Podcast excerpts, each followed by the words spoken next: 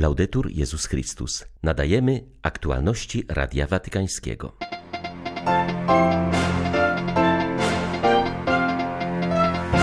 Papież uznał męczeństwo Józefa i Wiktorii Ulmów oraz ich siedmiorga dzieci. Oznacza to, że ta bohaterska rodzina, która oddała życie w obronie Żydów, zostanie wkrótce beatyfikowana. Stolica Apostolska uznała też heroiczność cnót założyciela Chrystusowców księdza Ignacego Posadzego oraz poznańskiego proboszcza księdza Aleksandra Woźnego. W dniu swych 86 urodzin papież nagrodził osoby zaangażowane w służbę najbardziej potrzebującym. 17 grudnia witają Państwa ksiądz Krzysztof Ołdakowski i Beata Zajączkowska. Zapraszamy na serwis informacyjny. Papież Franciszek upoważnił dykasterię spraw kanonizacyjnych do promulgowania dekretu o męczeństwie rodziny Józefa i Wiktorii Ulmów, którzy wraz z siedmiorgiem dzieci zginęli z nienawiści do wiary w 1944 roku w Markowej na Podkarpaciu. Oznacza to, że bohaterska polska rodzina, która oddała życie w obronie Żydów podczas II wojny światowej, zostanie wkrótce beatyfikowana. Biskup pomocniczy architekta archidiecezji przemyskiej Stanisław Jamrozek, który był postulatorem na etapie diecezjalnym procesu beatyfikacyjnego, w rozmowie z Radiem Watykańskim wskazał na szczególne cechy rodziny Ulmów. Taka wielka miłość do Pana Boga i z drugiej strony też do człowieka, gotowość do ofiary, poświęcenia, która przejawiła się właśnie w miłości do dzieci, które to małżonkowie przyjmowali zawsze z wielką otwartością, później ta miłość, która okazała się taka bardzo też wielka i odważna w stosunku do Żydów, których wtedy przechowywali. To będzie ukazanie światu, że miłość potrafi ciągle pokazywać się światu, a jest to odpowiedź na miłość samego Pana Boga. I stąd właśnie też to ukazanie tej rodziny jako świadków miłości, świadków wiary, to jest powodem tej naszej ogromnej radości. Określił Józef Ulma w Piśmie Świętym dwa właściwie zdania. Miłość Pana Boga i miłość bliźniego, później miłosierny Samarytanin. To pokazuje, że to jest zawsze będzie aktualne, to wezwanie do miłowania Pana Boga. Bo kiedy będę miłował Boga, to będę potem mógł także miłować człowieka, którego On stawia na mojej drodze. Szczególnie ta beatyfikacja nienarodzonego dziecka jest uznaniem, że dziecko już w łonie matki jest istotą ludzką. Należy się tej osobie ludzkiej ochrona. Stolica Apostolska opublikowała dziś w sumie 16 dekretów w sprawach kanonizacyjnych. Obok rodziny Ulmów dotyczą one również dwóch innych Polaków. Księdza Ignacego Posadzego, współzałożyciela Chrystusowców oraz księdza Aleksandra Woźnego, proboszcza z Poznania, a także księdza Matea Ryciego, słynnego jezuickiego misjonarza w Chinach. Ksiądz Ignacy Posadzy urodził się w 1898 roku w Szadłowicach. Z racji wojny studia odbył w Minster i Fuldzie. Tam poznał sytuację polskich robotników, którzy skarżyli się na brak posługi duszpasterskiej w rodzimym języku. Jako młody kapłan wakacje spędzał wśród polskich emigrantów. Odwiedzał ich nie tylko w Niemczech, ale również w Danii, Rumunii i w Ameryce Łacińskiej. W 1930 roku podjął współpracę z księdzem kardynałem Augustem Chlondem, który postanowił założyć zgromadzenie zakonne pracujące wśród Polonii, znane dziś jako Chrystusowcy. Ksiądz Posadzy został jego pierwszym przełożonym generalnym. W 1958 roku założył żeńską gałąź zgromadzenia. Zmarł w 1984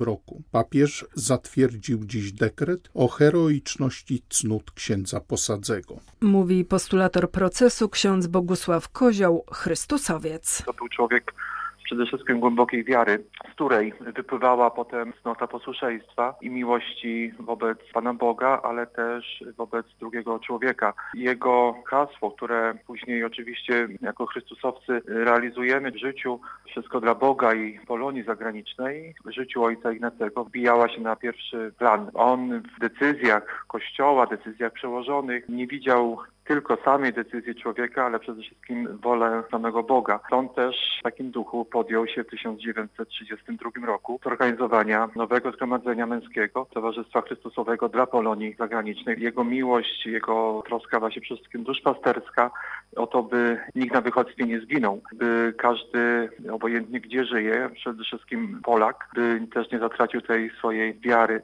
którą wyniósł bardzo często z domu rodzinnego. Drugi polski kapłan, którego dotyczą ogłoszone dziś dekrety, to ksiądz Aleksander Woźny, wieloletni proboszcz parafii świętego Jana Kantego w Poznaniu. Urodził się w 1910 roku w Uzarzewie. Do kapłaństwa przygotowywał się w seminariach w Gnieźnie i Poznaniu. W 1940 roku jako młody ksiądz został uwięziony przez Niemców i wywieziony najpierw na ciężkie prace do Buchenwaldu, a następnie do obozu w Dachau, w którym pozostał aż do jego wyzwolenia w 1945 roku. Po wojnie objął obowiązki proboszcza w poznańskiej parafii świętego Jana Kantego, w której gorliwie posługiwał aż do śmierci w 1983 roku. Stolica apostolska uznała heroiczność jego cnót. Podobnego uznania doczekał się też ksiądz Matteo Ricci. Był on włoskim jezuitą, żył w latach 1552-1610. Do pracy w Chinach przygotowywał się już jako seminarzysta. Po przyjeździe do tego kraju intensywnie poznawał miejscowy język i kulturę. Pierwsze lata posługi misyjnej nie przyniosły znaczących rezultatów i dlatego ksiądz Ricci zmienił jej metodę. Oddziaływał na wyższe sfery społeczeństwa, dostosowywał się do miejscowej kultury i korzystał z wiedzy zdobytej w Europie. Z tego powodu jest uznawany za prekursora inkulturacji Ewangelii w Chinach. Pokój to spełnienie wszystkich dobrych pragnień, ale w tym momencie historii z powodu wojny na Ukrainie pokój jest tym, czego nam brakuje, co powoduje kryzys, mówił papież na audiencji dla artystów, którzy wieczorem uczestniczą w dorocznym koncercie bożonarodzeniowym w Watykanie. Jest to wydarzenie charytatywne, z którego dochód jest przeznaczony na cele dobroczynne. W tym roku są to dzieła Salezjanów na Ukrainie. Przesłanie, które Słowo Boże kieruje do nas w czasie Adwentu, nie jest przesłaniem rezygnacji czy smutku, lecz nadziei i radości. Jest to przesłanie, które trzeba przyjąć w swym sercu i głosić je innym. W tym głoszeniu ważne są też muzyka i śpiew. Liturgia i tradycje Bożego Narodzenia pełne są muzyki i śpiewu. Sam ewangeliczny opis mówi nam o hymnie aniołów, chwała Bogu na wysokościach, a na ziemi pokój ludziom Jego upodobania. Swoim śpiewem przyczyniacie się do rozgłaszania tego przesłania miłości i życia, docierając do tak wielu serc i poszerzając zakres braterstwa. W ten sposób Bóg działa w historii ludzkości, również pośród cierpienia i spustoszenia. Drodzy przyjaciele, wasz talent to dar, ale też odpowiedzialność. Musicie zdawać sobie z tego sprawę i być wdzięczni. Jak bowiem napisał do artystów święty Jan Paweł II, z pasją i oddaniem poszukujecie nowych epifanii piękna, aby obdarować nimi świat. Muzyka niesie ukojenie, otwiera na dialog, sprzyja spotkaniu i przyjaźni. W tym sensie jest drogą prowadzącą do pokoju.